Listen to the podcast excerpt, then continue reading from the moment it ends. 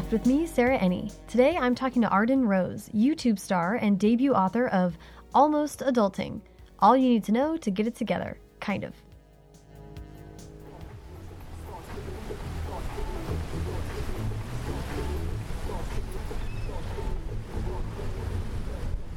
I sometimes confess to my friends that my life right now is way cooler than I would have ever imagined it could be when I was in middle school.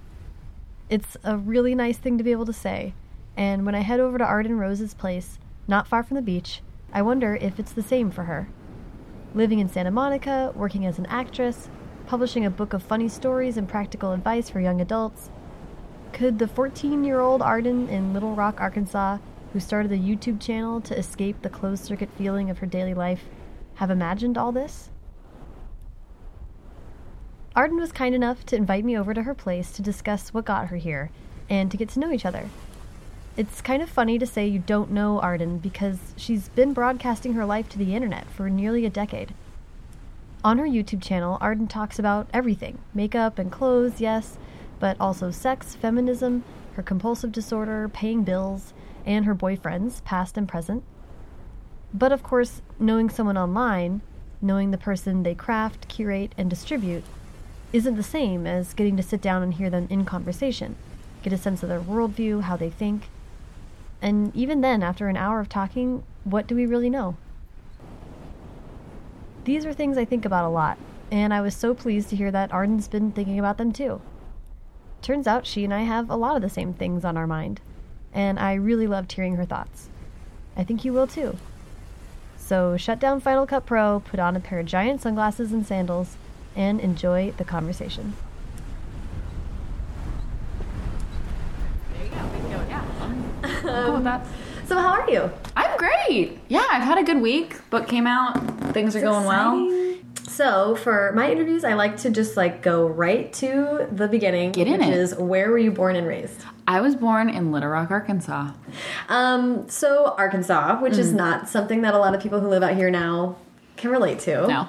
no, not at all. Yeah, I have like one person that I've met that I work with pretty regularly who is an assistant to a producer that I'm friends with. Mm-hmm. And she is from Arkansas. So anytime I see her, I'm like, AR, what up? because I want to hear about growing up in Arkansas, and obviously it sounds like I mean, it, my guess is that you were looking outside. Yes. Oh, totally. Yeah. No, I get where you're going with that. It's we definitely well because it's it's it's a small town feel. I'm from Little Rock, so Yeah. you know you kind of know everyone. It's a bit more of a metropolitan city than say like Texarkana or some like smaller city that's kind of on the fringe of a state. Right. Uh, so it's not totally podunk, but it is so landlocked that you're like it would be great to be somewhere else. Right. You know, you have to take two flights to get anywhere. Yeah, yeah, That's yeah. one thing that I find maybe the most irritating thing Yeah. in the entire world. I'm like, I just want to take a direct flight somewhere, please. Regional planes, Please, please. But anyways, yeah, so it was a lot of like I am going to end up somewhere else. I never thought I'm going to stay in Arkansas and be satisfied with that. Yeah, that was never. looking- I was always looking out to either the West Coast or the East Coast. I really wanted to move to New York when I was younger. Mm. Like, I really, my goal was to go to NYU. Ah. Uh-huh. I really wanted to go to NYU when I was probably like 16 or 17. Okay. And then I was like, oh, I'm doing all this work in the West Coast. Why would I? Right. Why would I do that? Were, for acting, was that the? Yeah, it was Awesomeness TV actually. So they kind of they bumped me up and and would fly me out there mm-hmm. and pay me like a small fee on the weekends to do like sketch comedy for them mm-hmm. or do like this show called IMO, mm-hmm. which was a teen talk show online. Super cool beginnings. Um, Love it. Yeah, and so they would fly me out there all the time, and I always enjoyed it so much. And I actually stayed in Santa Monica, like right up the road, Aw. really close to where I live now. So it was it was crazy. I was like 17 at the time, and I was just like, "That's where I need to be." Yeah. that sounds way more fun than what I'm doing. Yeah. Yeah. well, okay, so I want to I want to hear just because because obviously all this is going to be talking about your book, Mm-hmm. um, but I want to get into but I want to hear about books and whether or not that that books are a big part of growing up. Oh yeah, for sure. I think when I was younger, I was actually talking to my mom about this this weekend. I used to love encyclopedias. I've always been like a huge nonfiction reader because I always found that like animals were more interesting than anything I could read in fiction. Like the real world is so fascinating that you don't even need to look at fiction to be like sat- satisfied in any way. Yeah. So I would have these old school, like from the 40s, because my mom is like a total vintage nerd. She loves everything kitschy and vintage. She had these old freshwater fish encyclopedias that apparently I turned I turned yeah, I turned one of them. It was like a pocket guide, it was about this big. Which for listeners I think is about mm, like six by six by six inches. Let's say that's a valid size, which it isn't. Four by six? That works better. Um, so it was a small booklet just on freshwater fish from Arkansas. There's no reason for that to be interesting. no reason for that to be interesting, but it had great illustrations. It was when they did the kind of like well hand drawn, Yeah. beautiful fish. There weren't there wasn't any photography, so it was all just like hand drawn and beautiful. And I was debaucherous with that book. Like I put stickers all in it. I ruined it. I wrote notes in the margins. I'm like five oh, years God. old at this time, like obsessed with this like fish encyclopedia book. That's amazing. Yeah, and it was like my security blanket. Like I would take it with me to restaurants and stuff, and like that was my thing. Really interesting. Yeah, so I started off liking books in a way that was different than probably most people liked books. You know, That's really interesting because it's Yeah. almost the it's all there's almost a diary aspect to that or yeah, where I would like doodle in it. But I also I think I liked I liked having this information. Like I I was always the kid that like I asked for a cat encyclopedia when I was 10 Mm-hmm. for Christmas because I wanted to know about all the different species of cats. And also this was right on the cusp of when Google was like even a thing. Right. So I was learning all of this and then obviously looking it up later. Yeah. And and then as I got older it was like I don't need all these like I don't need to actually own encyclopedias. I don't need these. Why do I have them? There's some this I can relate to like when you're raised in a place in a house with books like that. You're like that just is always the comfort level. Yeah. Like, how do I believe it if it's not with ink? Yes, exactly. I'm like, this is this is my truth. How would I know if anything is real if this is not my truth? Yeah. Uh, so you know, I had a lot of that, and then also my dad, who was such a cool guy growing up. Same with my mom. My mom was dope too. But my dad always loved reading mm-hmm. with us. So mm-hmm. like before we would go to bed, he wouldn't read. He did read like the Dr. Seuss's when we were younger, mm-hmm. but when we were old enough, like you know, six or seven, we'd start reading the Redwall books or you know. Um, Tolkien, like we were, we were all about that fantasy world. Oh yeah, okay. Um, and that was always so fun. And that was where I, I learned to love fiction and like see a narrative in a book in my imagination. Mm-hmm. Where I'd, I had kind of been more of a nonfiction person up to that point. yeah, I was gonna say. Yeah, of my six years of life. Well, but interesting. That's what you were drawn to. and also, I think I like just having this like random knowledge. Like I remember, I would, I was that little girl that loved to like tell you about like a freshwater piranha that had a certain type of scale that was really interesting because of this or whatever. Like I, I was one of those kids that was very extroverted and was like down to talk about anything. Yeah. So when I was younger, books were really important. They were definitely around our home all the time. Mm-hmm. My grandparents were big academics. Like they, yeah. My grandfather was in the symphony, and then yeah, my grandmother was like a bit of a taste maker. She was like very. She's very kitschy. She was one of those grandmoms that like wanted you to call her grandmère, Oh my god. even though she lives in Arkansas. Yeah, she's really cute, but she was always also like read, write, do mm-hmm. the arts, do the thing, you know, be educated. That's awesome. Yeah, it was always a good thing. And so books just have a really homey, comforting quality to them. Like when I'm stressed out, books are great for me Yeah. because I can focus in on something. Yeah, well, that's that's kind of uh, the other part that I wanted to get to a little bit. It sounds like they're they were very very real ways for you to escape, Oh, yeah, definitely. Books were like a huge way of escaping for me. Like especially if you jumped right into fantasy too. Oh yeah! or Oh yeah! Oh yeah! Dove dove right into Tolkien. Dove right into like um, C.S. Lewis. I Mm. loved everything Narnia uh, when I was younger, and so I loved all of that. I also loved like the Eragon series. I don't know if you ever read those. They were more Oh, of a the, the uh, dragon. Yes. Yes, yes, yes, the Dragon books. I read those when I was like 16, 17, and it was a writer that was 16, 17 when he first made his first novel. And I found that so amazing. I was like, he's so young and he's making this like amazing book, and I love it. And it had a great love story, and it was just like still fantasy, but I remember having like I would read the book, and then once it was done, I would still have this narrative of like what's happening with those characters just in my everyday life. Oh. Like I just loved it was yeah, it's such a big form of escapism for me. Yeah. Yeah, and even now I'm reading like a nonfiction book that's about Israeli psychologists that's a bit more like in depth Mm-hmm. and heavy, but it's still escapism for me because Yeah. I don't think about anything when I'm reading that. So Yeah. you have to concentrate so hard on what's going Yeah, on. yeah, yeah. Yeah. It's really helpful, actually. Like I do find like monotasking now, right? Yep. We the the world that we live in is so crazy that every once in a mm-hmm. while you're like, oh my gosh, I can just spend an hour doing one thing. What is it like? Yeah, I don't have to like check anything or do Yeah. whatever. I don't even like the TV on. Like I know a lot of Yeah. people like background noise, but I'm like silence and my mm-hmm. book. Exactly. Okay, and the, and the reason I, a little bit that I'm asking about the escape is that that you started making videos when you were 14. Is that oh, right? Oh yeah, I was really young. That's super young, and and it's it's very interesting to me because that's the age at which a lot of my friends started writing books to find this escape or to, you know, writing books is very introverted and quiet, but it is also this output. yeah, Um, it's a creative outlet. Yeah, exactly. Um, but you went a different way. I'm just curious about how that medium came. Like, what was the pull to it? Were Yeah. you already watching tons of YouTube videos? Oh yeah. I, well, you know, at 14 years old, you're starting to learn about femininity and kind of like gender roles as far as like makeup and fashion and all of that goes. And I found a lot of my knowledge about that on YouTube. My mom, who is so wonderful and a lovely lady, she's a, such a great feminist role model because she was the the mom that was like, "Oh, you want to wear overalls and like play with GI Joe toys? Have fun. Mm-hmm. Go do that." But as I got older, I didn't know how to be a cute girl. Like I mm-hmm. didn't know what that was, mm-hmm. which was a great thing because I lived my childhood like so free and happy. And, and so when I got to like 13, 14, I was seeing all these girls around me in school, like looking a lot better than I did probably at the time because I did let my mom chop my own hair off into a really cute Willy Wonka bob. Oh my god! It's a bad look. It was a really bad look. Uh, but I embrace it now. It's probably the most attract- unattractive phase of my life, so at least I can get past it. Yes, everyone's got to have the bottom. You know? Yeah, that, my trough is really great. It's a great trough, but it uh, kind of spurred me to look at stuff online because I I wasn't the best at being like honest or finding great friends in school. And by honest, I mean like I wasn't very open with my, my like private self. Like I wouldn't go out to a girl and be like, "Hey, how'd you do your eyeliner? I'd love to know what, what's up with your eyes. I'd love to see that. How'd you do that?" I, I wanted to like privately figure out what was going on. Yes. Yeah, and so and I think a lot of girls go through that, which is why YouTube's helpful. Mm-hmm. And that's why a lot of I feel like YouTube has a huge responsibility in educating young girls because that's where I found my first, you know, like foray into femininity. Yeah, I just started doing random YouTube stuff, and then um, a friend of mine also watched a lot of YouTubers, and so we started kind of making channels together.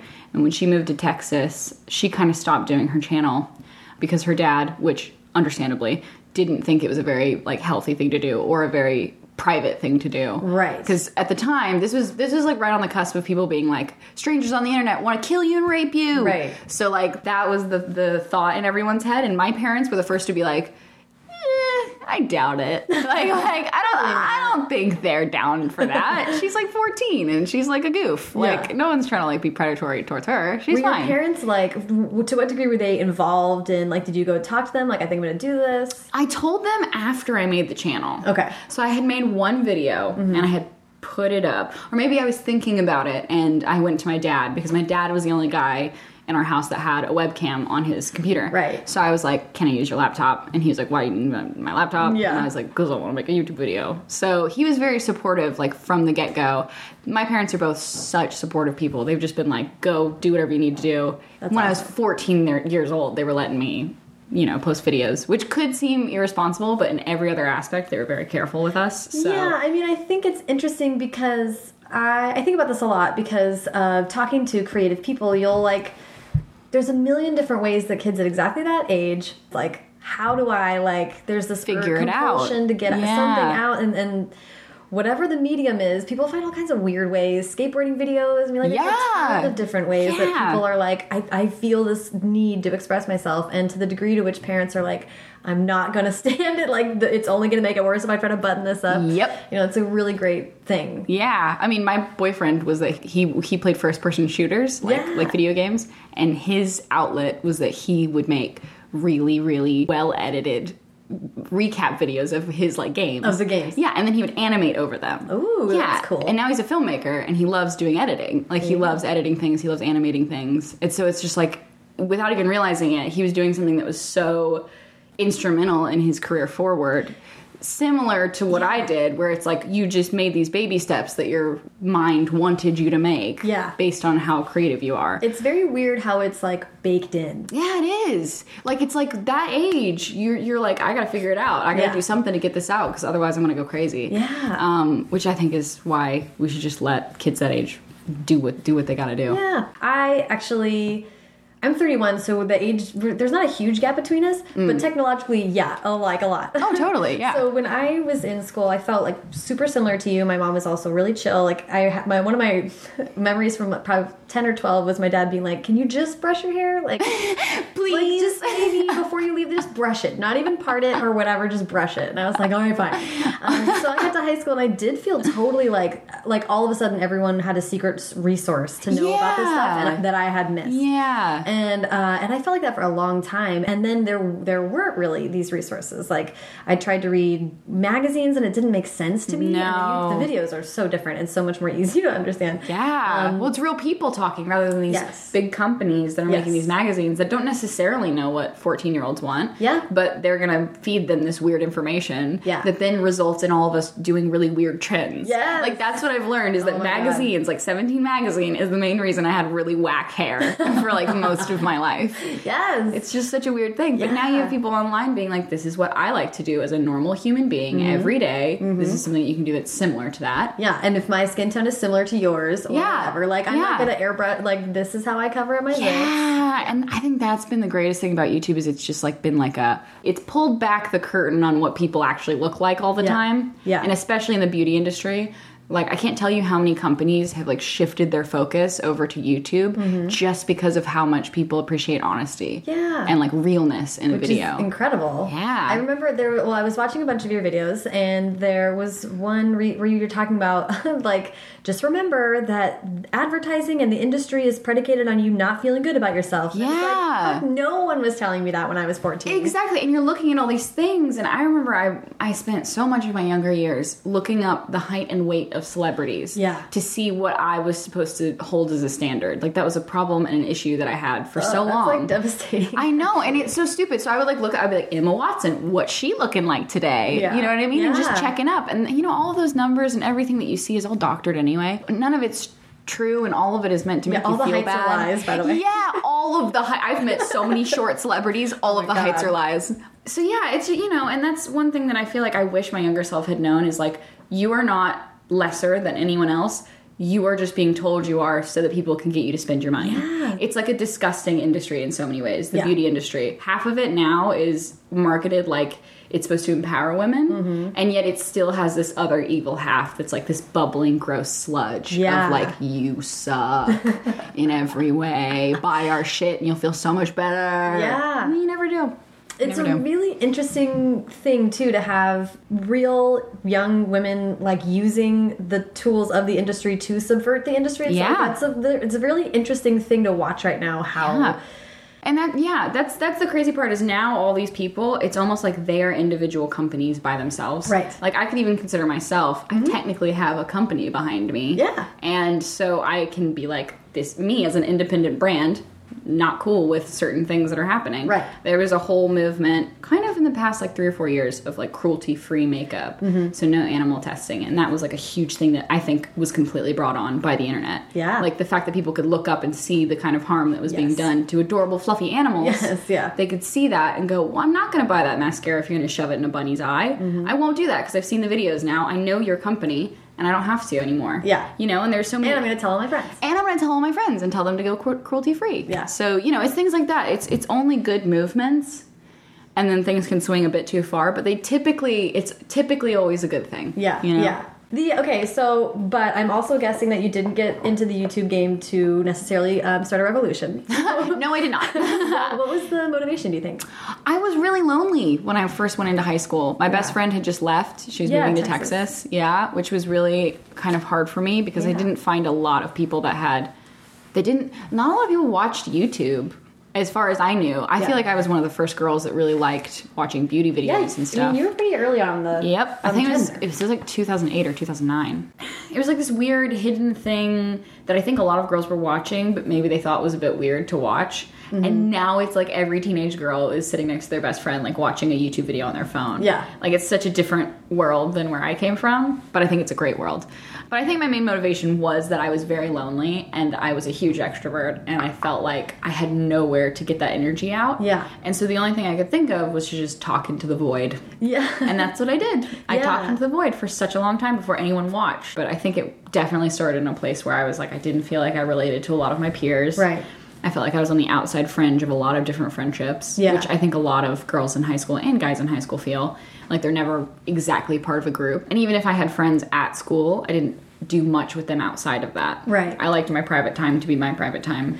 And, Yeah. Yeah. As I got older, I realized that was a very real thing that I did to myself, not just Right. you know, Right. like I definitely could have been more outgoing outside of school, but I think I purposefully did not like having people around. And I don't know what that is, but it was a thing. I think I also, because I was influenced so much by the internet, Mm-hmm. I had a lot of different views than my peers did. Oh yeah. I went to a very religious Christian school, very conservative religious Christian school. The school that would be like, girls don't show your bra straps because you might make another boy sin type of school. Interesting. So that was the idea that I was raised in, but I was hearing all these like kind of feminist ideals. I didn't recognize at the time that it was feminist, but like these ideals on the internet that I think also alienated me from my peers Mm-hmm. because I had these ideas and these thoughts that weren't like anyone else at my school. Right. So I would go into school, have this different persona, and then I would kind of like take the mask off so I could go make YouTube videos. And that that was just something that I did subconsciously without even realizing it. I was much more honest on my YouTube videos than I ever was in real life. Yes. See, So- this is what I was going to ask you about was like it's so interesting to me that the way that then you were creating your identity in high school, which is what we're all doing in high school, was like one person at home, one person on the internet, and one person at school. Yep. How did you figure out what which person was real? You know, that's tough because I never felt like I figured that out until like last year. Like, I, I feel like it took me a very long time to suss out which person I was. Mm-hmm. Just because even in my home life, I did also have those Christian ideals in my home. Right. That were different, maybe than my online persona, even mm-hmm. now, and that's definitely caused issues in the past with my family. And it's only until like last year that everything's kind of been like, we went through that time. Everything's Right. cool. We're accepting people for how we feel all the time and not worrying about someone because they have a different, you know, feeling about something. Right. So I think like it took me a while to be like I said honest with different people. Yeah. So like I wouldn't tell my parents how I felt about things. I would make up a narrative that I knew they liked. Right. And not necessarily to lie in a sneaky way, but just in a way that made them comfortable. I didn't want Yeah. them to feel like they should be worried about me because I felt differently about something. Mm-hmm. You know, and so I wouldn't tell them what was going on. And I wouldn't at school tell anyone what was going on. Every time I flew out to California, I was so excited to be there, but I would never share that any of that information. I just kind of compartmentalized everything. I mean, did people at school know you were doing that? Oh yeah, and that's where I got to give my school credit because I never heard a bad word about it, it to my face from anyone. Everyone was always very nice about Wow. it, and I was surprised that that's the way it went down. I think that even if I had gotten ragged on about it, I would have kept doing it because mm-hmm. I really liked it. Like you can tell, it was kind of my source of therapy in a way because that was mm-hmm. where I got everything out. Mm-hmm. And I did have a couple altercations though. I cracked my pelvis when I was a cheerleader. Ah. Yeah, and I, I That's real. Ow. it was awful. It was really awful. I was I was one of the girls that got thrown up in the air, and when I came down, the whole team was so great, but I threw fists because I was doing a double down. Oh. So which means you twist in the air. Mm-hmm. And what you have to do when you're twisting in the air is you make your fists go really tight across your body in like a corkscrew motion. Mm-hmm. So you're moving your arms, you're twisting them midair, and from someone who's about to catch you, you just see fists flying. So you don't necessarily want to step in and catch that person because they might punch you in the face. Right. Because I did punch someone in the face prior to that. so yeah, so I got well, actually, my bases stepped out in my back spot. The person who's supposed to catch you from the back kneed me in the hip because she was trying to support me when I ah, was coming down. yeah. She didn't do it on purpose. No one did it on purpose. But that happened, and then I was out of commission for two weeks. I didn't see anyone from the cheer squad. And I never really got a good feeling that they liked me very much to Mm. begin with. Uh, I think I was kind of the girl, the weird girl on the internet in that situation. Right. And so when I went home and I was on like pain pills and I felt awful and like mm, it was like excruciating pain every time I would move. All I could do was make YouTube videos because I couldn't go out, I couldn't do anything for like a month and a half, two months. And I made a YouTube video about what had happened because I was describing why I was like, Right. you know, why I was out of commission for so long. Yeah. And in saying it, I had the coach get really angry at me. I had several cheerleaders get very mad at me when I made this video and like was just kind of giving my honest depiction of what was going on, and it didn't paint the people in charge in that great of a light Mm-hmm. because I sat on a mat for six hours before I was taken to the hospital. So, like, that was the reasoning why they were angry because I revealed that information, and it was Oh. probably something that could have gotten the school in trouble. Right. So I was like, didn't recognize that that was even an issue because I was just telling the honest truth. Like, I didn't know that there was like this political background to this Right. thing. Well, you're not thinking about I'm not liability or no. I didn't think YouTube. It's my YouTube channel. Like, Yeah. and also at the time, a YouTube channel was not like a business like it is today. right. It was like an online diary. It was like something that y- you wouldn't worry about in a legal standpoint. Yeah. you know, it was just one of those things where that was the first time I saw repercussions for what I was doing. Right. and like my peers disliking me based on what was happening on my YouTube channel. Yeah. And that was the first time I kind of stepped back and was like, oh shit, I gotta censor myself. How did that feel? I mean, that's like kind of an invasion of this private space too. Yeah, well, it was it was weird because I had tricked myself into a false security, thinking, well, everyone likes me, everyone likes my YouTube channel. I don't have to worry about Right. what people say about it. It was, I think, I took a break for like a week or 2 mm-hmm. after that because I was just so shocked and kind of almost like embarrassed that I had done this thing that caused people to be irritated. You know, because when you're that young too, you don't know to go. Well, screw you. Like No, you yeah. did something wrong. I'm okay. I'm cool to talk about this because you did something wrong. Right. Uh, you just automatically think I did something wrong. What did I do in this situation that was so wrong? Yeah. You know? Well, the reaction you're getting, I mean, like, this is one of those, that's the time when you start realizing, like, grown ups don't necessarily have my best interests at heart, or they might disagree with something I do, but I need to do it anyway. But Yep. those are really hard lessons to learn. It's not your first instincts. yeah. Like I had to go to that coach that was so upset. And I apologized. Like I was like, I'm so sorry for everything I said. Me, the girl that was laying on a mat for six hours with a broken pelvis. Like I apologized because I was just so insecure and didn't know who was the who was the truth of the situation. Yeah, yeah. You know. So yeah, that was the first time I was like, oh, I got to take this a bit more seriously. Interesting. Mm-hmm. It's also like, I'm, I'm curious about, like, I'll say in my example, this podcast, like, people listen to it and I know that really. Yeah. But I don't like when people are Mm-hmm. like, "Oh, when you said this," on the, I'm like, "Oh, wait, what?" You remember that? Yeah, You, like- you saw that? Hang on a second. Yeah. It just it isn't. I, I feel like I have I put something out there and I feel so gratified when people talk about it, but it's all this hypothetical thing Uh-huh. until like in real life someone references it and I'm like, "Oh, this is a real factor like between us." Oh, totally. It's very odd. So Yeah. you kind of trick yourself into feeling like there's what I mean like that it's still like the private in some way. Yeah, there's like a layer over it that you don't necessarily you don't necessarily operate in the real world with it. Right. I agree with that wholeheartedly. It's the same way if I meet anyone who watches my YouTube channel in person because I I don't know who my average viewer is. Like Right. I don't re- like I don't look at my viewership and go, okay, let's think about this demographic. Right. Who is this that's watching? me?" Right, right, Like right. I never do that. I'm just like, oh, they must be like me.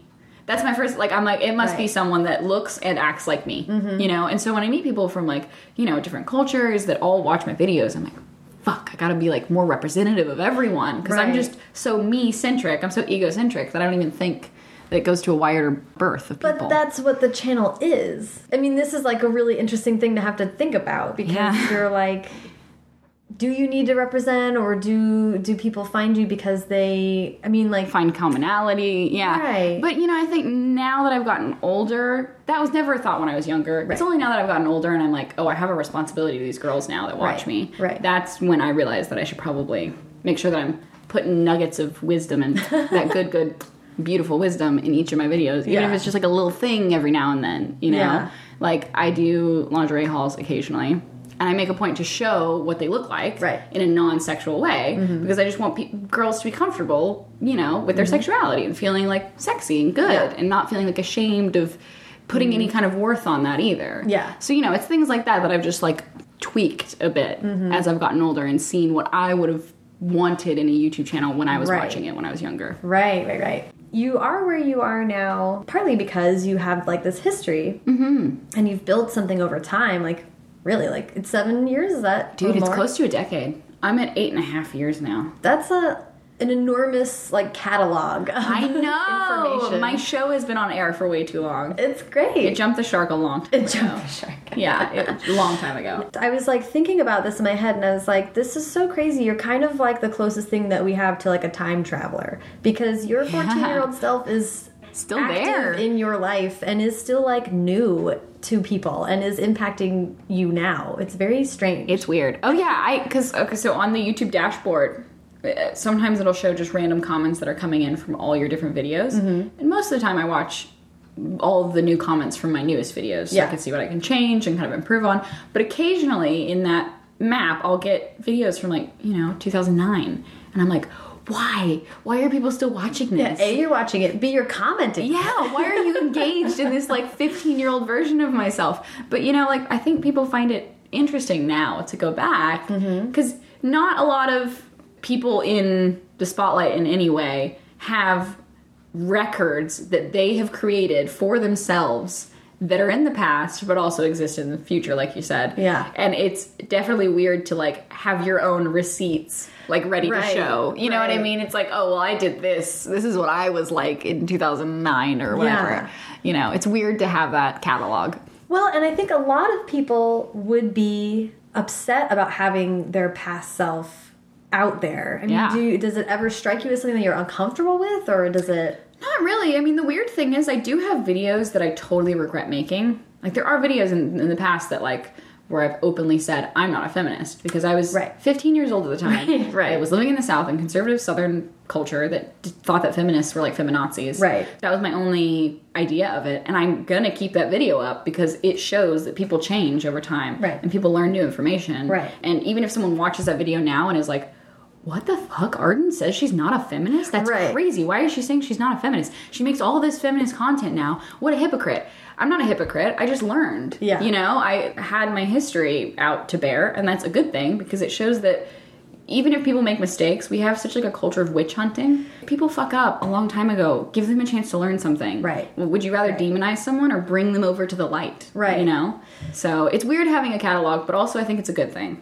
Yeah, there's a lot there that I really am. I've been like super thinking about this kind of thing lately a bunch because it's so interesting, and a lot of it is like just understanding the difference in communication now. Yeah. Um, like, I mean, my mom does not understand necessarily this kind of communication, right? Or this like level of openness or honesty because it just wasn't a form of communication when she was our age. No, especially culturally, you had kind of a similar to what I did, where you have an outside self and you have an inner self. And Right. Typically, depending on your culture, you keep that inside self pretty separate. Yeah. But YouTube created this weird caveat where you could go and be your inside self, and maybe you're even like more real inside self. Right.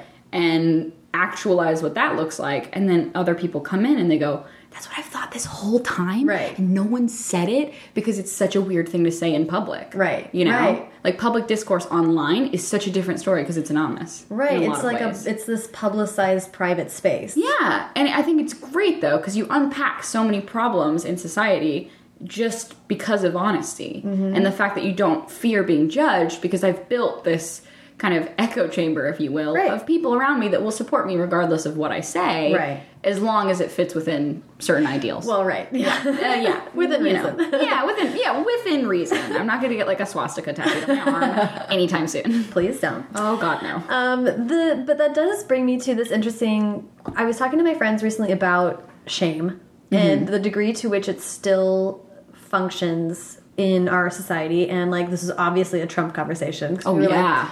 Because I, what I would say is that all that we've been talking about about uh, YouTube and the ability for it to empower most particularly young women, that's real, and it happened because people like you were were willing to be vulnerable and honest. Yeah. And so, and so what you're saying is like you're a little bit beyond feeling shame about yeah. your past self. You're a bit shameless. That's Yeah. incredible. Yeah. And, and like super empowering in that way. Then we get this other extreme where I'm like, what does it mean that we live in a world where he lies and we know he knows that we know that he knows that it's like everybody knows that you're a Uh-huh. fucking liar. Yep, and but you don't shameless. So just- shameless. It doesn't matter. I think a lot of people also forget that he's like 72 years Oh my old. God, yeah. And so entrenched in what he thinks that if you ever, if you even had the idea to maybe have a, a constructive conversation with someone like Donald Trump, it's not gonna fucking happen No. because his brain, his neural pathways are already so locked in. Yep. Like, listen, like. He's only losing them. We're not yeah, gaining. yeah, no, we're not gaining anything. Let's hope he loses the bad stuff, though. Oh, what if that'd he gets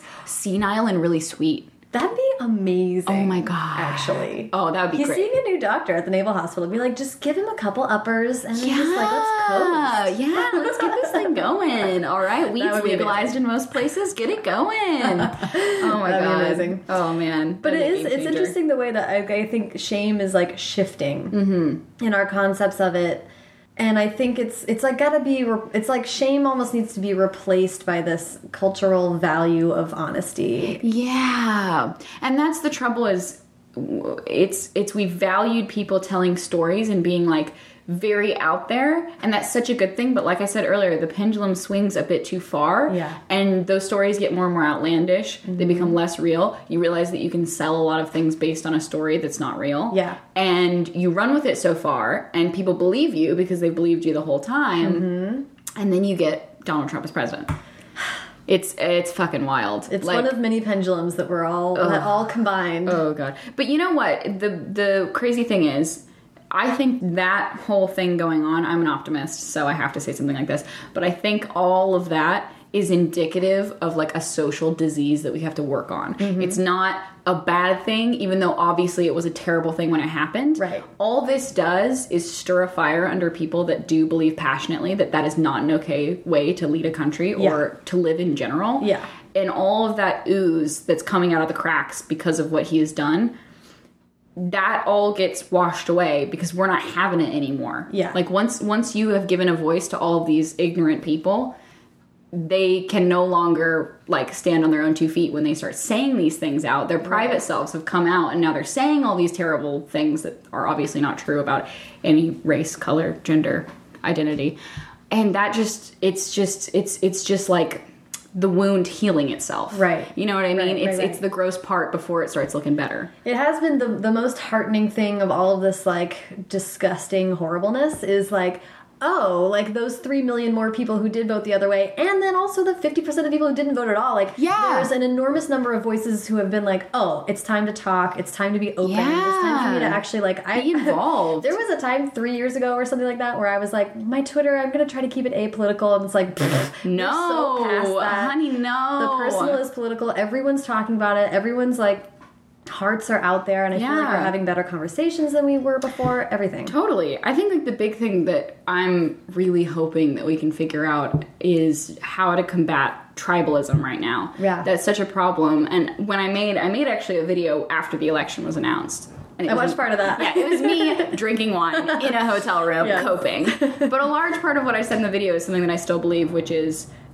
all of these problems and issues that we had are based on communication. Mm-hmm. It's based on demonizing another side because you're so entrenched in your beliefs that no type of discourse can happen Yeah. Because you believe so heavily what you believe in and there's no other way that that could be anything different. Yeah. And half of that time it's very good. Like I would say that most of the time I love all liberal ideals. Right. But sometimes there's like a nugget that maybe we don't understand that the Republican side gets a bit better. Yeah. That we have no way of like, you know, solving that issue in between. Right. Because it's so tribal. Yeah. It's like you've got one tribe over here that believes something so heavily, and the other tribe over here that believes something so heavily. And if either of them interact at any time, it's traitorous. Right. Like you can't have a conversation between the other side without it being like, "What do you mean you agree with that? What do you mean you agree with that? Like you can't you can't agree with that. We're on this side. Yeah. You can't jump over there and suddenly like this part of this Yeah. one." And that's the problem is that we have to find a middle ground somewhere. Yeah. Even if we don't want to, even if like and and not give up on any of kind of social activism. Yeah. But something that can just somehow get the other side to understand you know why there's a reason why we need to be pushing to a progressive side like we need Yeah. to somehow bring this uneducated because a lot of it is just uneducated people that don't know Well, that's that's the thing to me. I'm like, I think both sides actually. What's a key, the uh, not a cure, but something that would help this totally tribalistic thing is like, I'm personally in my life asking more like, well, why? This is how we get to policy conversations. This is how we get to Uh-huh. empathy conversations. It's like, tell me why you believe what you believe, and then hear me when I tell you why I believe what I believe. I'm trying to have more conversations where the end goal is not to agree. Yeah. Like, that like I want to start a conversation and my goal isn't to bend convince myself someone over to another Yeah. side it's or anything like that just to hear someone and Yeah. be heard and that's it and Yeah. like then we can just have wine and not worry about it Yes. Did you watch the um, TED Talk with the ex Westboro Baptist member? Oh, homie. It's a member of the Westboro Baptist Church that was actually in, I don't know if you watched the Louis Theroux documentaries of all of that. Okay, well, he followed around all of these members of the church um, as they were going on hateful protests. Uh, and he met this girl. She was so entrenched in the cult that she didn't even have like a secondary thought about it.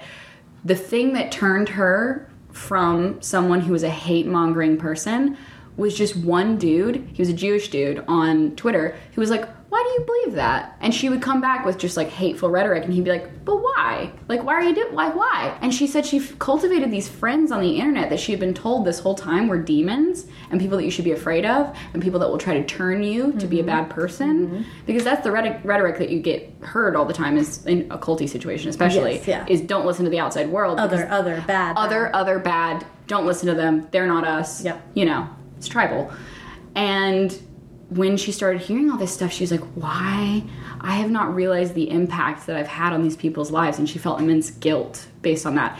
To the point that she was excommunicated from the Westboro Baptist Church and ended up marrying the guy that converted her out of it. No way. Yeah. And it's a, such a good TED Talk. Wow. Because dang. it's all about tolerance. I think I read an article about that, but the mm -hmm. talk I have not checked out. So Please watch it. Seriously, it's so good. Amazing. Yeah. Okay, well, I love that. Um, the other thing I want to talk about, you're talking about narration and like kind of making stories of our lives. It's okay. I'm going to intro to this topic with a, uh, my own story. Yeah, go. Um, I've always been a writer, and in college I studied English, and at some point I was like having like boy drama, and I, I remember walking across campus and being like, "How does this end?" Like um, I was thinking in fictional terms about uh -huh. what I was experiencing you're in my current moment. Oh my god, you're so such a writer. Dorky. and then in that moment, I was like, "Hang on! Like, actually, this is so unhelpful." Because mm -hmm. I was mm-hmm. like, "Then what happens? What what's the next plot twist? And how does this end?" And I'm like, thinking about your life as a story is actually the worst way because oh yeah. life doesn't care about a narrative structure at all. No.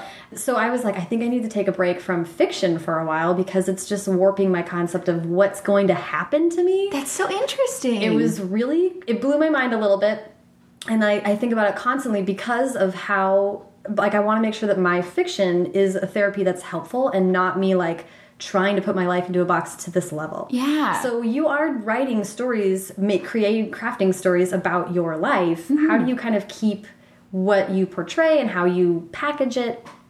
How do you keep yourself and your own life separate from that or how do you think about those things? You know, it's weird. I mean, writing the book was unpacking a lot of those narratives or stories that mm -hmm. I had mm-hmm. told myself. And I think one thing that I learned recently from my friend Raya, she said that everyone has a version of the story. Mm-hmm. Like two of us sitting in my kitchen, if we came away from this, we'd have two entirely different interpretations of what happened. Mm-hmm. And that's just because of human nature and the way our psychology works. Subjective truth. Yes, exactly. And, you know, a lot of the stories in my book, they're from my perspective and they're things that my brain has buried deep inside that are recreations over and over again of an event that happened and things are much more colorful that actually weren't mm-hmm. that big of a deal back in the day. Mm-hmm. And so I think even though it is completely nonfiction, it is an interpretation of what happened in the real world from my brain. And so that real life is something that is technically real life, but also is up to interpretation. Right. And I think I just separate it by saying, like,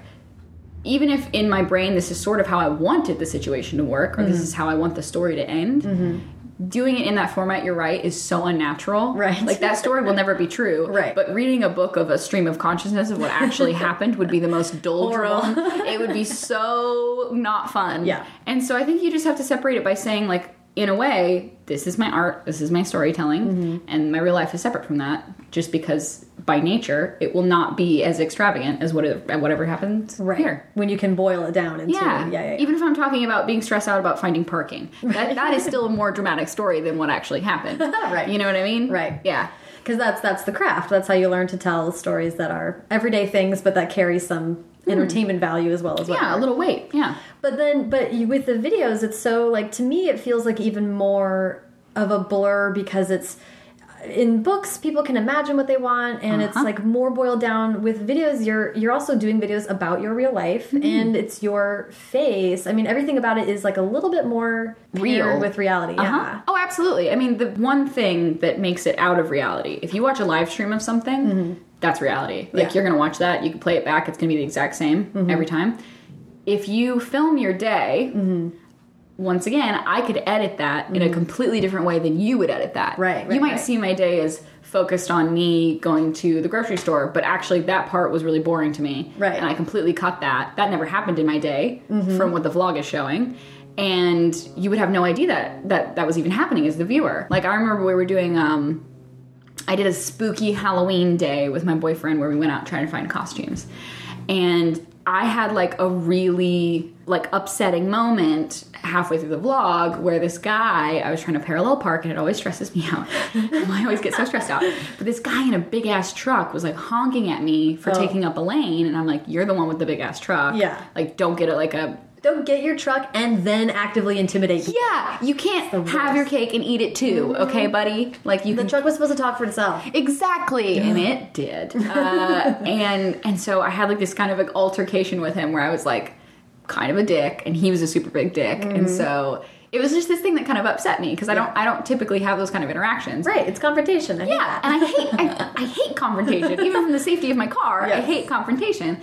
And so then we had to walk into this Halloween store as I'm still kind of like, like upset by the situation. Yeah. But I have to like turn on a face because I know I need to get this vlog done. Right. And so that isn't reality. Right. Like I put on a smile and made Right. jokes about costumes when in reality in the back of my head I'm like, that was gross. I hope he doesn't come back and key my car. Right. That's my first thought is like, I really hope that he doesn't come back and ruin my car for some Yes. reason. And I'm not saying that in the vlog. Right. I'm not like telling you how I'm actually feeling. I'm just like going through the motions of getting a video done. Yes. And that's where there's a bit of a difference, even if that what I called a spoopy, which is spooky, spooky Halloween vlog, that it's still real. Like what happened in the video was like a funny version of what happened in the day. Right. You know? Um, so what? So you're you're narrating your life. You want to tell an honest story about yourself. When does it really hit you that like you might have like an impact, or that people might be looking to you for like maybe answers, which is like an interesting thing when you're primarily like a beauty YouTube thing. Yeah, it's weird because you never think that you have a responsibility, Right. Until someone comes up to you and kind of hands it to you, Right. Like you're like, oh, I just do my thing, Right. like this is the thing that I do, Right. And then you go to a meetup or whatever, and I think like meeting your subscribers or the people that listen to you are like the most important thing because it keeps you in touch with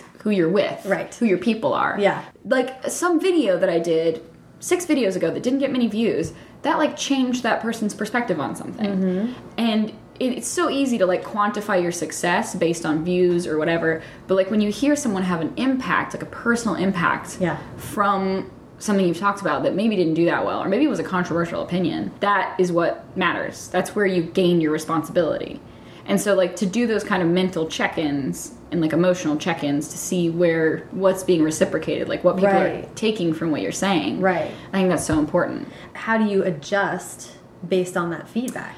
So sometimes I, sometimes I'm a bit of an overlord, and I will just like dictate what I think might be helpful Uh-huh. towards people. Like, like for instance, this Let's Learn Japanese show. Mm-hmm. I thought a comedic educational show was appropriate because it teaches you about another culture, and I thought that was important for my younger viewers to watch. Yeah. but that is a completely like I said, like a dictatorship of content. Like Right. I, I am going to make you watch this. Right, right, right. Um, I also get girls saying like, "I love it when you talk about sex on your channel because Mm-hmm. I can't talk about that with my mom, or I can't talk about that with my dad if if their mom's not around, or anyone.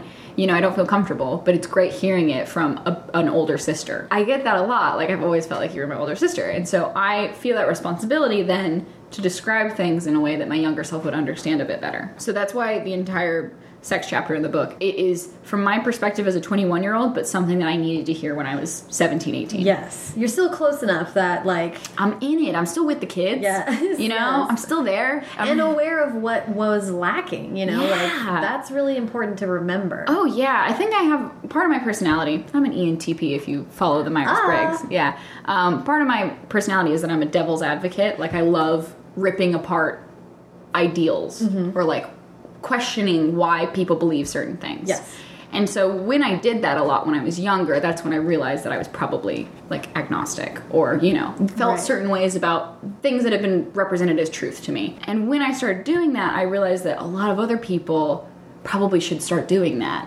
Like start questioning where you get your information from. Critical thinking. Yeah, do some critical thinking. And so if I can help someone do that, like mm-hmm. lead them down the path of thinking about that, mm-hmm. that's always a good thing. Even if it comes in a package that's very clickbait. Like I have videos that are like sex Q and A, and maybe it's like how to give a blowjob, and then the entire thing is more about consent and like how important saying no is Right. in situations. You know, where I can not trick the viewer into watching and getting educated, but in a way, it's like I want you to watch this because you need to watch it. Yeah. Well, You there know? was that. Um, this is not a one for one, but the, remember the other day when the internet blew up because Rachel Maddow had, ta had taxes and went crazy. Yes. It was most hysterical thing to, of course, then I, my friends and I were out at a coffee shop and we were like, let's go home instantly and just Yeah. watch this. Yeah. Um, like everyone else on earth. And then she spent 20 minutes contextualizing Uh-huh. before she got into what they really had. Uh-huh. And then the internet was super mad that they were being forced to watch this like information and, actual, and Uh-huh. actual news. And I was like, you go, Rachel, because you were like, well, I have you. Let's talk about why this is important. It was so great. And like that 20 minutes, I was like, God, I, I didn't even know some of this stuff. And I read the news like Yeah. every freaking day. And Yeah, well, that's part of the problem. Is it's not just a young problem. We grow up getting these snippets of information in news. Like I know if I went on a conservative Twitter, like if I went Mm-hmm. on someone who followed a lot of Fox News, my view of the world and what is going on in the world would be so, So vastly different. Yeah, which is where like my parents are coming from, Mm-hmm. and so when we have conversations about things, I'm very aware of where their truth lies. Right, right. Uh, but at the same time, it's like we don't have the attention span to just sit and listen to that 30 minutes. Yes. Because we want to get to the headline. Right. We don't want to listen to the to the cliff notes Yeah. of everything. Like It's we want the context. Yeah, yeah. we are lacking like I'm and, and it's tying into the, what we were saying about conversations and this empathy and tribalism it's like we you need patience to Get hear- context. yes and Yeah. to, to really hear someone and to listen Yeah, I mean, and that's why context matters so much. Mm-hmm. I think we get really bogged down because we live in a world where Twitter is king and you have 140 characters to say what you need to get across. Right. And a lot of companies have really profited off of that. Mm-hmm. And in a way, it's nice because you can get your news pretty quickly. Mm-hmm. But what that also means is that there is a lot of context lost in those situations. So you need a place to, to learn about all of that. Yeah. But so many people don't find it in their busy days to sit and, and look at the facts rather than just Right. the big thing that's going to make someone click on something. Right. You know, like that was a whole controversy when PewDiePie got his channel kind of like dogged and all of this. Mm-hmm. Regardless of how you feel about all of the jokes that he made, which were so, they were such bad taste. Everything was such bad taste. Is so terrible. At the same time, the context in which he was saying it in and the context in which news articles were representing him were two entirely different things. And so, even if you hate all of the jokes that he made, which I absolutely do, the fact that there was like free speech involved and he was not actually trying to be a Nazi Right. is important to understand. Right, right, right. Because he isn't a supporter of anti Semitic like content, even if he makes content that is borderline and kind of represents something that he doesn't necessarily believe. right Like well it's that comedy thing yeah, it's like what's okay to what's okay to make fun of, Right. And what's okay on YouTube to make fun of because YouTube is like Wild West, and now mm-hmm. we're starting to censor it. Mm-hmm. And since we're starting to censor it, you're getting these people, these big people in the forefront that get to be targets, mm-hmm. and rightfully so in some cases. Right. You know, people should understand that that's not okay. I probably wouldn't hold up a sign that says "Death to all Jews" and think it's funny. Yeah. I don't think that's funny at all. Um, but the context is that he was doing that because he was seeing what he could get someone to do for five dollars. so as much as that is terrible, Right. it's like someone did hold up a sign that said "Death to all Jews" for, five dollars. Yeah. Wow. So in hearing that, you're like, okay. So now when I heard that, saw that headline that said PewDiePie says "Death to all Jews," Right. you're like, okay, well maybe that's not. I hate that I've had to say that phrase like four times. By the way. I'm really mad that I've had to say that at all. but I, but that's helpful because I because I only saw the headline about that thing I didn't Yeah. even know that that's what it was Yep, and well, because you wouldn't know, because unless you're entrenched in the YouTube community, which Yeah. is its own tribe, Right. And like that's why a lot of people rallied around him is because they mm-hmm. supported him. And I was always kind of neutral about it because I'm like, I totally get how it's free speech and like it's great, but also that's a really gross, really gross joke to make. Right. So you know, but but the media would just say, well, he's a he's a bona fide like Hitler supporter. Yeah. you know what I mean? Like that's it. yeah that's it. and then move on Yeah, and it's that- and then move on. well hang on yeah, Yeah. and it's interesting. It goes with. It's funny that he's kind of created his own movement of like context matters because then following that, I don't know if you saw any of the other videos, but he made a video where he was um, making he was making fun of a program on YouTube that uh, was a censorship program. Oh. So YouTube came out with this program where users could flag videos that they thought were inappropriate content. Mm-hmm. So what that means is that you get a lot of people, oh, and you benefit if you flag something that someone else has flagged. Oh. Yes, you start getting points accumulated, you start Oh. collecting stuff. It's like, and it's scary because it's like, That's not going to work the way it was intended. no, and you shouldn't set a precedent that um, censoring someone, there's a benefit to it. Right. Because that ruins the whole thing about free speech on YouTube. Yeah. So he made a video where he was sitting in it. It's always Hitler. I don't know why he does Hitler jokes so much. But he was sitting in like a Hitler uniform, read, watching the video of the like explaining how the program worked. So he's sitting there and he's like saying that it's a Nazi symbol because it's censorship. So that's his joke, but MSNBC took that screenshot of him sitting in a Hitler uniform and was like, "Look, evidence. PewDiePie is anti-Semitic and loves Nazis." Whoa. Yeah, and use it as like a real news story. And so that it takes away credibility from them because they Right. weren't paying attention to the Right, source. right. But also not a great joke to make from PewDiePie. Right. So there's a truth somewhere in there, and all that would help is just context. Yeah. You know? You took me on a journey there. I appreciate that. Yeah, sorry, I no, really no, took no. I, you. I like, Yeah. I like needed to know all of that, and that's a perfect example of what we're talking about. Like, and I will say, like, I mean, I think the book counts for that. I think the fact that you have this, like, really, you're like you're speaking from this place of enormous context because you've been like honest about the last ten years of your It's life. been here, man. You can go check the receipts. They're all there. You're like, I'm out here. This Yeah. is what it is. Um, and that's why I, I feel like podcasting is this format that is really, people are really flocking to it right now because it's like not two minute things. It's like, I'm going to sit and listen to an hour of people having a conversation. It's like this kind of salve right now. yeah, People it's really- real. Yeah. It's not these little sound bites to like change your day in a Yeah. minute. It's like you can sit and yeah, and have like public discourse in a way that's healthy, Mm-hmm. and you can get information from people that aren't like you all the time. Yeah. and it's I think it's great. So, so okay, but the narrative, I was going to talk about the book. So the narrative and feeling um, responsibility, and this is like an extension of like, I think I have something to say that people would respond to. Yeah, it was something that I felt was important because I remember when I was younger, I would go to Barnes Noble and I would pick up a lot of the self help books. Mm-hmm. And unfortunately, if there was one that had like a sex section, my mom would be like, "You can't read that." No. But it was like in general, a lot of the books that I saw were very.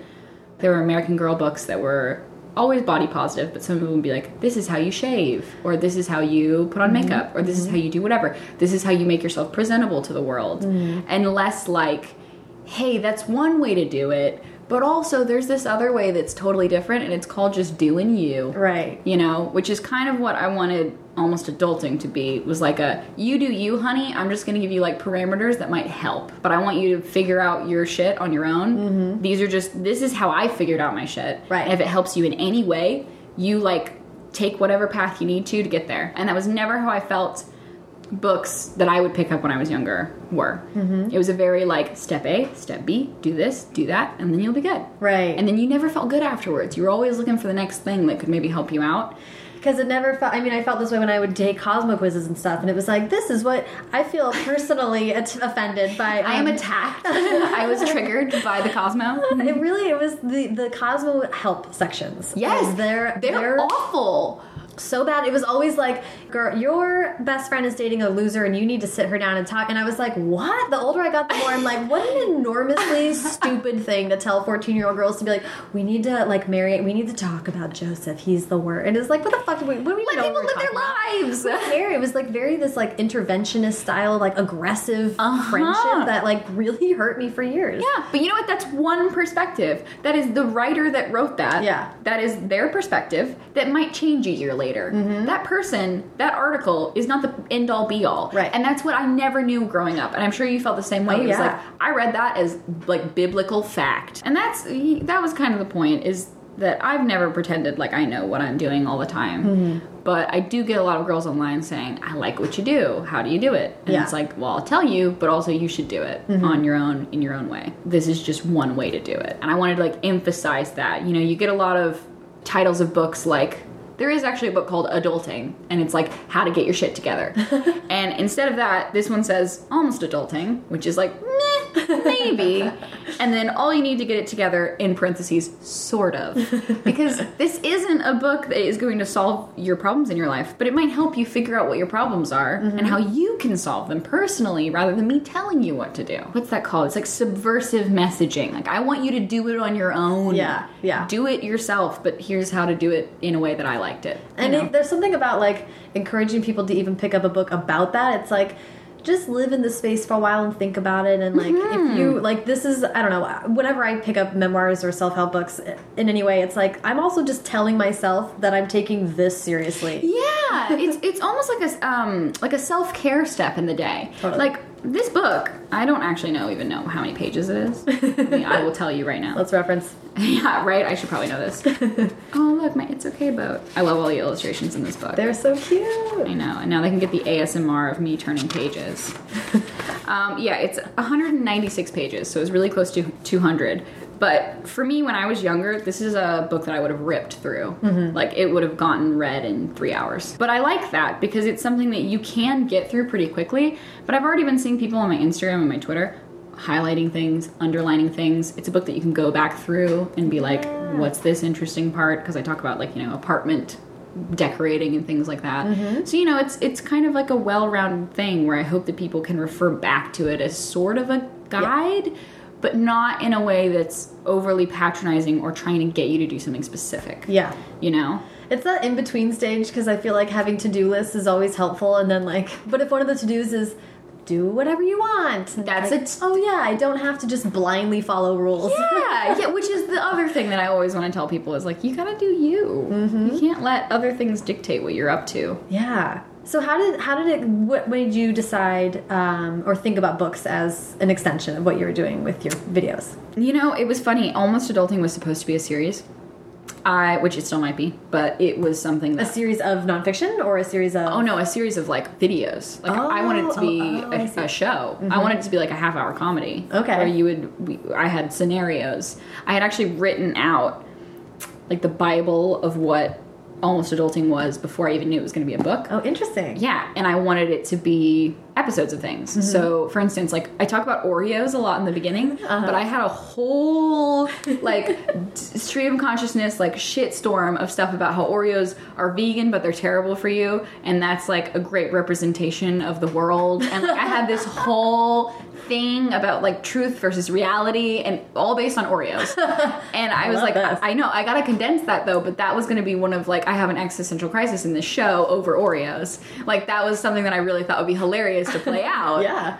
And so I had like this whole concept, and Byron was like, Byron's my manager, wonderful guy. Uh, he kind of went behind my back and was like, Yo, Harper Collins, got any interest in a book? Because this kid's been writing some stuff.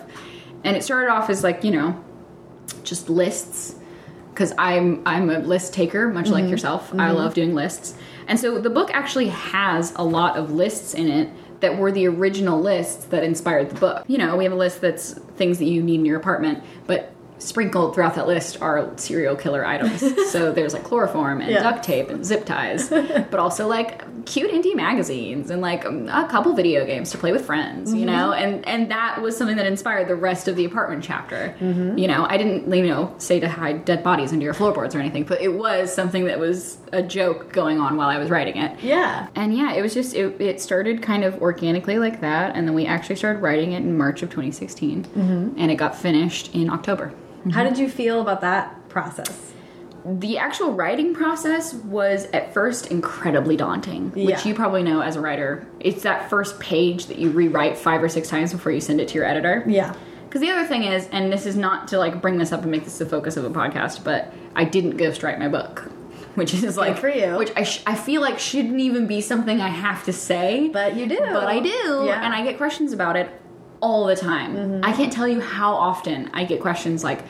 You said you didn't ghostwrite your book, but I, I read this thing. I heard that this was a thing. Oh my God. And I'm like, honey, you don't know how stressed out I was last year over this book. Do not question it. Yeah. So uh, yeah, it was it was tough putting my ego aside to throw my writing into the void and be like, rip it to shreds. Tell me what you think. Right. Well, to me, that's interesting because you are no stranger to editing. I Yeah. mean, you know, you like an old hat, like editing videos, and I mean, like all these things are really, really similar. Oh yeah, just different mediums. Yeah. you know. And you, I mean, it sounds like you've written a bunch for lots of other stuff that you've been doing. So, what do you think was it was different about?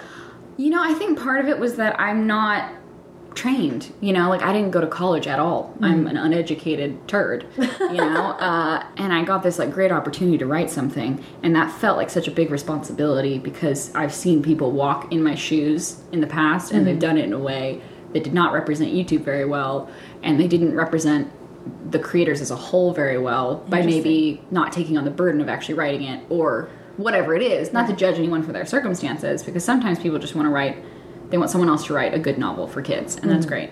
But that's not what I wanted. I wanted something honest. And I was worried about that. Like, that was a constant anxiety of mine.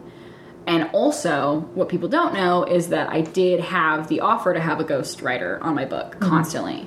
There was always like this little, like earwig, Like a back. safety net thing. Yeah, a safety net where my manager never said it like it was a, a ghostwriter, but he was like, we could have someone come in and help edit if you don't want to finish the last page, Right. if you don't want to finish the last page of this chapter, Right. Because I was taking a while to do everything.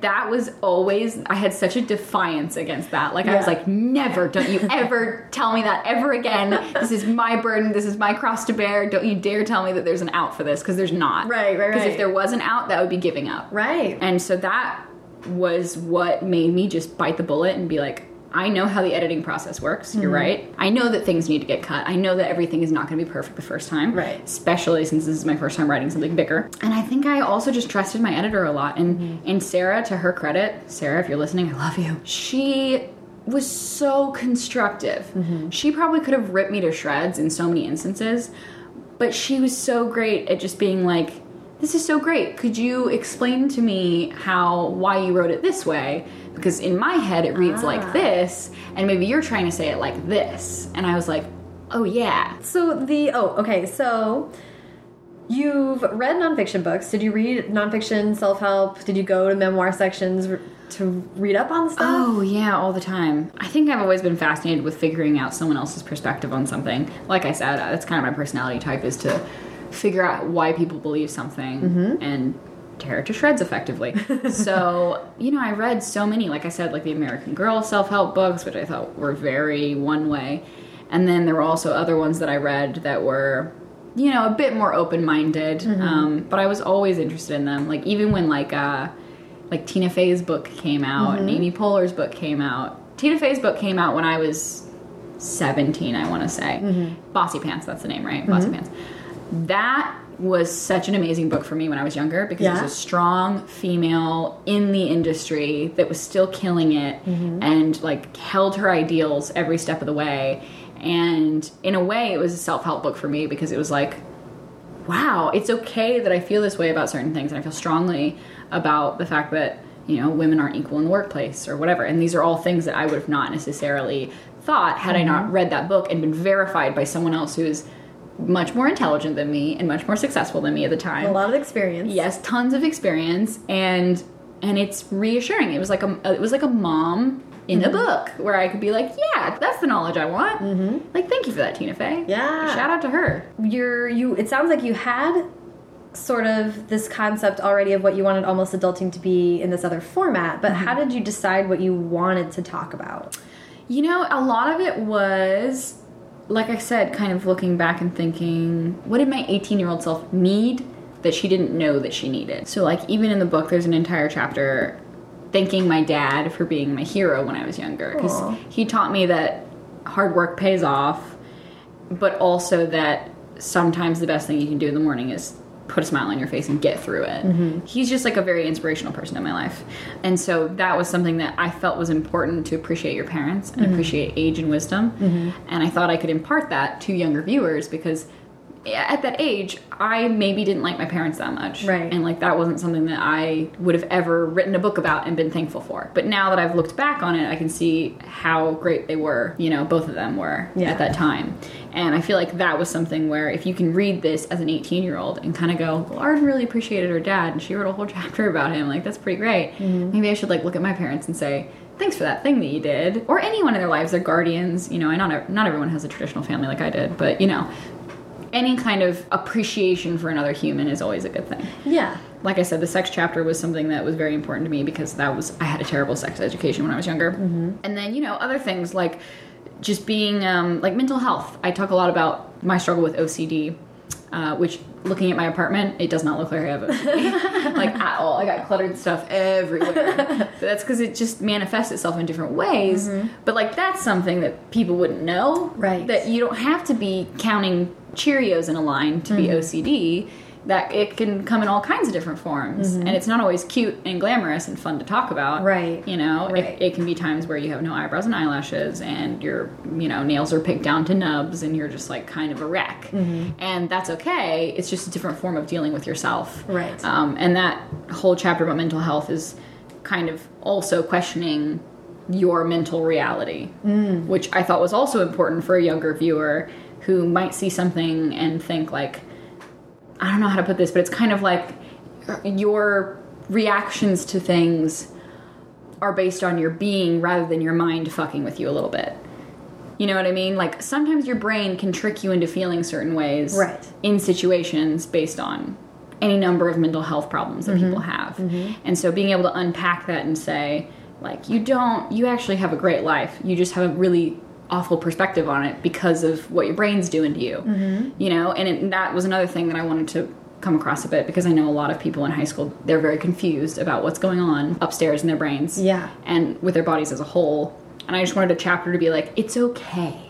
Like the final illustration in that chapter is like a boat, and you're like the captain of your own ship, and the t shirt just says, it's okay. Aw. And so it's just like supposed to be like, it's all cool. Right. And this is, you can hear it from my perspective. That is a really that's interesting because that's a real tough one to get across. Like it's like question yourself, but it's another form of trusting yourself. in a weird way. Yeah, it, it's it's. I mean, you don't want to take it to a point of like self consciousness, like being so worried about what you're feeling and Right. thinking, because that's a whole problem, and that that relates to anxiety. You know, Mm-hmm. it's more like question the reality of a situation. Like maybe you feel really badly one day and you don't know why, and half the times I can chalk it up to hormones. Yep. Like uh, half the times I can say, "Well, I am about to go on my period, and I am a monster because I am. My body is telling me that this Yes. is what I am going to feel like today." Yep. Tracking my period has changed the game. Yep. Like I will not book things when I know that I'm about to have a bad day. Yeah. Like I can track my bad days. Yeah. Mm-hmm. And that's something I talk about in the book. Is like, you know, you can be your own temperature gauge Right. for yourself. And then treat yourself well ba- based on that. Yeah. You don't always have to have a good day, but learn how to be okay to yourself on that bad day. I talk to my friends incessantly about learning how to manage. Like I will say that one of the best things about getting older is learning the shorthand of how to manage myself and Oh, how yeah. to how to treat myself better by just like yeah, like you're saying, like avoiding. It's like you know what, this is just. I know that that's going to be an overbooking for me. Mm-hmm. So even though everyone else is going to go do this thing, I just need to say no because I know I'll feel better. Yeah, it's learning to say no in situations too. Yeah. I think that's one thing that a lot of younger people struggle with. And another thing that I talk about in the book quite a bit is learning to gauge your temperature in social situations, Yeah. in work commitments, in anything. You don't have to be a yes man. And that's why I've heard that um, Amy Poehler's book is great for that. Yeah, I have not read it yet, but yeah, it's just in general. You're right. It's it's learning how to how to gauge yourself. Yeah. and like look inward and see like because you can only be your most productive self and helpful to the rest of the world. Yeah. if you're taking care of yourself. Yeah, that's You the thing. Like you, like it's this, it's this constant struggle to love and be loved, right? And it's easier to be loved if you aren't a horrible, you know, like in a Yeah. horrible mood Yeah. or putting yourself in situations where you're uncomfortable constantly. Totally. So it's like a, a, the that whole balance just like gets easier, but you do have to start paying attention to it in order to make those changes. So Mm-hmm. Oh yeah, for sure. that's amazing. I really wish someone had been talking to me about that I know, right? when I was younger. Same. Yeah. So I'm kind of jaded while I'm writing. I'm like, yeah, because I should have known this. Why didn't I know this? Um, okay, just a couple more questions and I'll, I'll let you go. But um, oh, there I was watching actually the live stream that you did while you were signing books, and I thought I loved that you said, "I'm glad I let the uncomfortable stuff stay." Speaking of the stuff in the book, um, how is the uncomfortable stuff different writing it than necessarily sharing it? Like, how is that Uh-huh. process different? You know, I feel like when you're writing something that makes you feel a bit uncomfortable, it's, it's a bit of therapy. Mm-hmm. Like, I think when I was writing, I didn't ever keep in mind that someone was going to read it, Right. which is a problem because now I'm like, fuck, there's so much stuff in there that now I'm like, oh man, but it's good. Right. Like that's exactly what I was addressing in the live stream is like, you have that moment of like, oh, people are going to read this. Yeah. But it's good because because I treated the book sort of like a diary for those uncomfortable moments, Mm-hmm. and it was like therapeutic. So I was unpacking things, and as I'm writing, I'm realizing things about the scenario Mm-hmm. that then inspire the writing, and so I continue to write about the thing that I maybe I've just figured out and kind of pulled out of a, a random hole in my memory Mm-hmm. that I wouldn't have ever contextualized without physical writing involved. Yeah. You know, your brain's just like a swirling vortex of craziness all the time. Yep. And so trying to remember or recall a situation or how you felt in a situation when you were so young, um, especially when I was talking about um, my dad's struggle with cancer, it was like I couldn't really draw back to that place because I think I was a bit numb and I didn't Right. realize what was going on. Right. But at the same time, I had these emotions that I wasn't dealing with when I was younger because I didn't actualize that they were problems. Mm-hmm. And so until I could write it out as an older person that understands how psyche works, you know, writing that out was so different but good and that's why it stayed in the book. Yeah. Because it's something that's real and it's mm-hmm. it's my older perspective on what happened when I was younger. Yeah. So it's different as well. Mm-hmm. But it is what I can call as like truth in that situation. Mm-hmm. You know, and I thought that was important to keep in, even if it made me uncomfortable. Yeah. I'm really curious about both in the book and then in your videos how you think about the line. What is too mm. personal? Or, Right. And has that changed over time? It has definitely changed over time. So, uh, too personal for me used to be if my parents saw it, would I be embarrassed by it? Like, that used to be the too personal. Also, because I went through kind of a, not a difficult time, but something where my parents, we were kind of disagreeing, where, you know, I would post something maybe that was a bit more out there or outlandish or curse or whatever the thing was, and they would be like, okay, we're unfollowing you on everything. We don't want to see what you're doing because we don't approve of it. Mm. And so I would have this kind of like looming fear that anything I said with honesty might be judged by them. And I love them and I care about them and I hold their opinion so high mm-hmm. above everyone else. I want my parents to approve of me. Mm-hmm. And so that type of shame and guilt towards like disappointing them kept me from being honest about a lot of things. That's, by the way, very interesting to think about this new parental threat being over unfollowing you. Right? Oh, it was weird. When I got that text from my mom, I was like, who are we? What are we oh doing? I'm uh, fine, unfollow me I on Twitter. that. I know, it's a great threat. Like, I hope that's the new threat. Like, I'm, I'm not letting you go to the party. I'm going to unfollow you on I Twitter. unfollowing you. I don't want to see your shit anymore. it was very sweet that you were the kind of kid who was like, no. Please don't. Oh no, I care about my parents more than anything. Like I said, that's that's where I gain a lot of my approval is because I find like I would not be the person that I am today if my parents weren't so well educated and cared about current events. And that's kind of what my brother told me when this whole thing was happening. I kind of confided in him was like I feel so guilty about like everything that's happening and it makes me feel really weird inside all the time and I, mm-hmm. I would like wake up with like sweat dreams about my parents finding out about something Oh, that- no. yeah it was just like weird stuff like i would freak myself out Yeah, yeah, yeah. thinking that I was going to constantly be judged for something. I was talking to my brother about it, and he was like, They set you up to be this way. Mm-hmm. They set you up to be the critical thinker that has a different opinion than them. If they hadn't, you wouldn't be in the path that you are today. But they were both trailblazers in their own way, Mm-hmm. and thus you are going to be do- doing something different that maybe is controversial to them.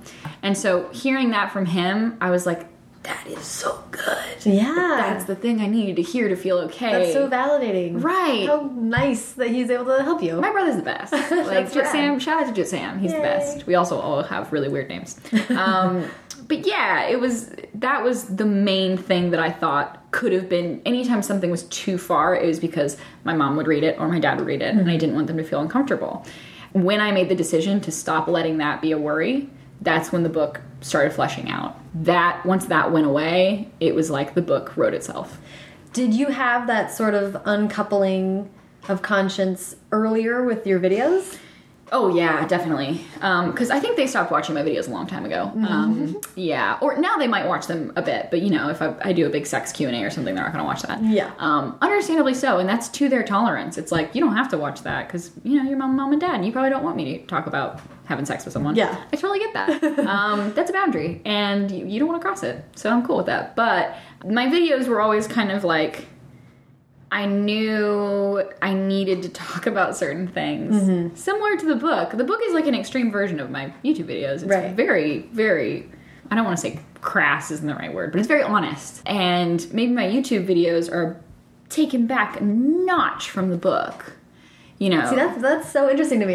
yeah, it's like the book is the real real, and then mm-hmm. the YouTube videos are maybe just like one hair back. Mm-hmm. Like I try not to be so outlandish because I know my YouTube audience is very wide, but I know whoever's going to buy my book is likes me They're enough to to want to read what I have to say. Right. And so if you want to read what I have to say, I will tell you it. Um, I think with YouTube though, it was never like I didn't have like a standard that I set for myself, but at a certain point, I was kind of done. I'll call it lying to my audience, Mm-hmm. just because, like, for instance, I cursed all the time like a sailor in real life, but Mm-hmm. I would never curse on my videos. And then one day, I think I said like "damn it" or something, and my dad texted me and was like, "What's that all about?" and I was like, "Uh, dunno, daddo." Like, just it's happening. it's happening. And then it became one of those things where I was like, it's just unhealthy to be worried about that kind of stuff all Right. the time. You know, it's like I understand censorship for certain reasons, but I'm not running a child's channel. Well, that is. I love hearing that. Um, just because I'm not like as familiar with with videos as a form of expression, it's funny Mm-hmm. to hear you say that the book is this like concentrated like. It's it's it's this the syrup that makes the lemonade. Yeah. You know what I mean? It is there. the uh, the books still have power, guys. Yeah, they do. Um, I do like to end uh, my sessions with uh, advice, and actually, I, you give a lot of advice about the whole everything on your channel. But I'd love to hear advice for people who are interested in writing for the first time. Oh, yeah. writing about their own lives. Totally. I mean, like I said before, I come from a, a very different, almost like a suspended reality where YouTubers suddenly have the clout to write books, which in no other world should that be possible. like, I honestly, I think there's a parallel world where people are like, "Wait, what? YouTubers wrote books? What are you? what are you talking about? Who gave them that right?"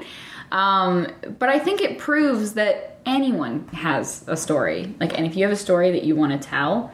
Tell it in the most honest way possible, and then have someone edit it. yeah, You know what I mean? And then just have like a second look at it. Mm-hmm. Um, but in general, never feel like you are not qualified enough to have your voice heard. Mm-hmm. Because in reality, that's all that books are is just someone sharing a narrative of their own lives or their own circumstances, or even in fiction, their own way of seeing the world, mm-hmm. even in a fantasy world.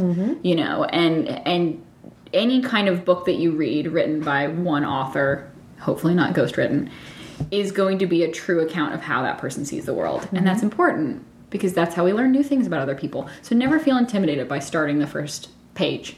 Even if you want to rip it up like seven times. Um, and do you mind just like advice? What if um, someone was listening to this and they are interested in YouTube and they're for some reason listening to a writing podcast? But what would you say about that other form of expression? Starting it now, it's a different environment. Right. So starting it now, the problem is that now, like we've said previously, people are turning into a business. I can't even disagree that I'm not turning into a business because you know I it's how I pay my rent. Why not? Yeah. You know. Um, so I think I think if you're starting it with the mindset of having a job, it's the same thing with the entertainment industry. Never never make that your plan A. Yeah. You know, have a plan B just in case, um, or maybe have it as your plan B. Enjoy it as a hobby before you try to make it into a career That's a good. That's a really good piece of advice. right because and that's what i did you know and even if it's taken me nearly eight years nine years to do anything with it that i think is worth doing uh, i always loved doing it and like we talked about this entire time it was my therapy it was my way to escape it was my enjoyment and because i found enjoyment in my work i never have to work a day in my life you know Yeah, that's the same that old adage which is not true i still have to work every day um, but yeah, keep it something that is fun to you. Keep it fresh. Have your own perspective on it.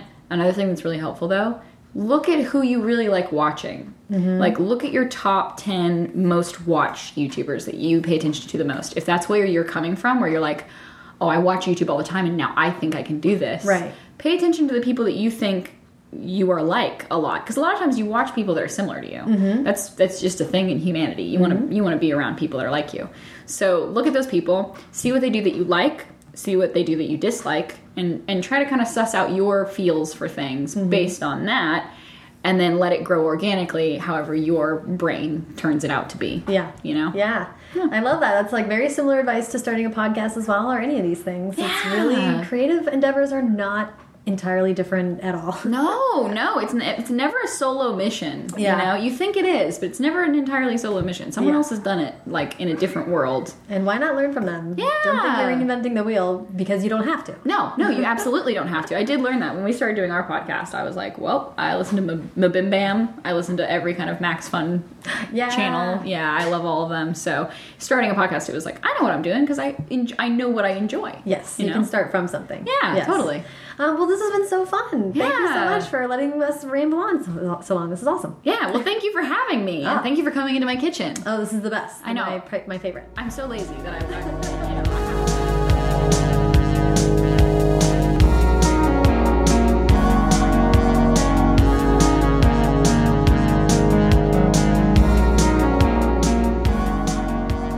Thank you so much to Arden.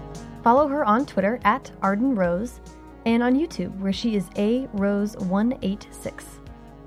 You can find the show on Twitter at First Draft Pod and me at Sarah Enni. Follow the show on Facebook and Instagram too, but for show notes, including links to everything Arden and I talked about, as well as transcripts, my favorite quotes, book recommendations, and a sign up for the First Draft newsletter, visit firstdraftpod.com. If you like what you heard, subscribe to the show on iTunes and leave a rating or review there. Every five star review helps other people find the show and swings the pendulum pretty far, but not too far, in the right direction. Also, if you're in Los Angeles, you should come to Arden's book signing. I will be there in conversation with Arden to celebrate the release of Almost Adulting. It will be held at Urban Outfitters Space 1520 in Hollywood on April 6th at 6 to 8 p.m. Uh, it's going to be really fun. We're just going to talk about the book and a little bit more about Arden and uh, get a little silly. So if you are in the neighborhood, you should definitely come check it out. Thanks so much to Hash Brown for the theme song, and to Colin Keith and Maureen Gu for the logos. Thanks to super intern Sarah DeMont and transcriptionist at large Julie Anderson. And, as ever, thanks to you, socially constructed narratives of self geniuses, for listening.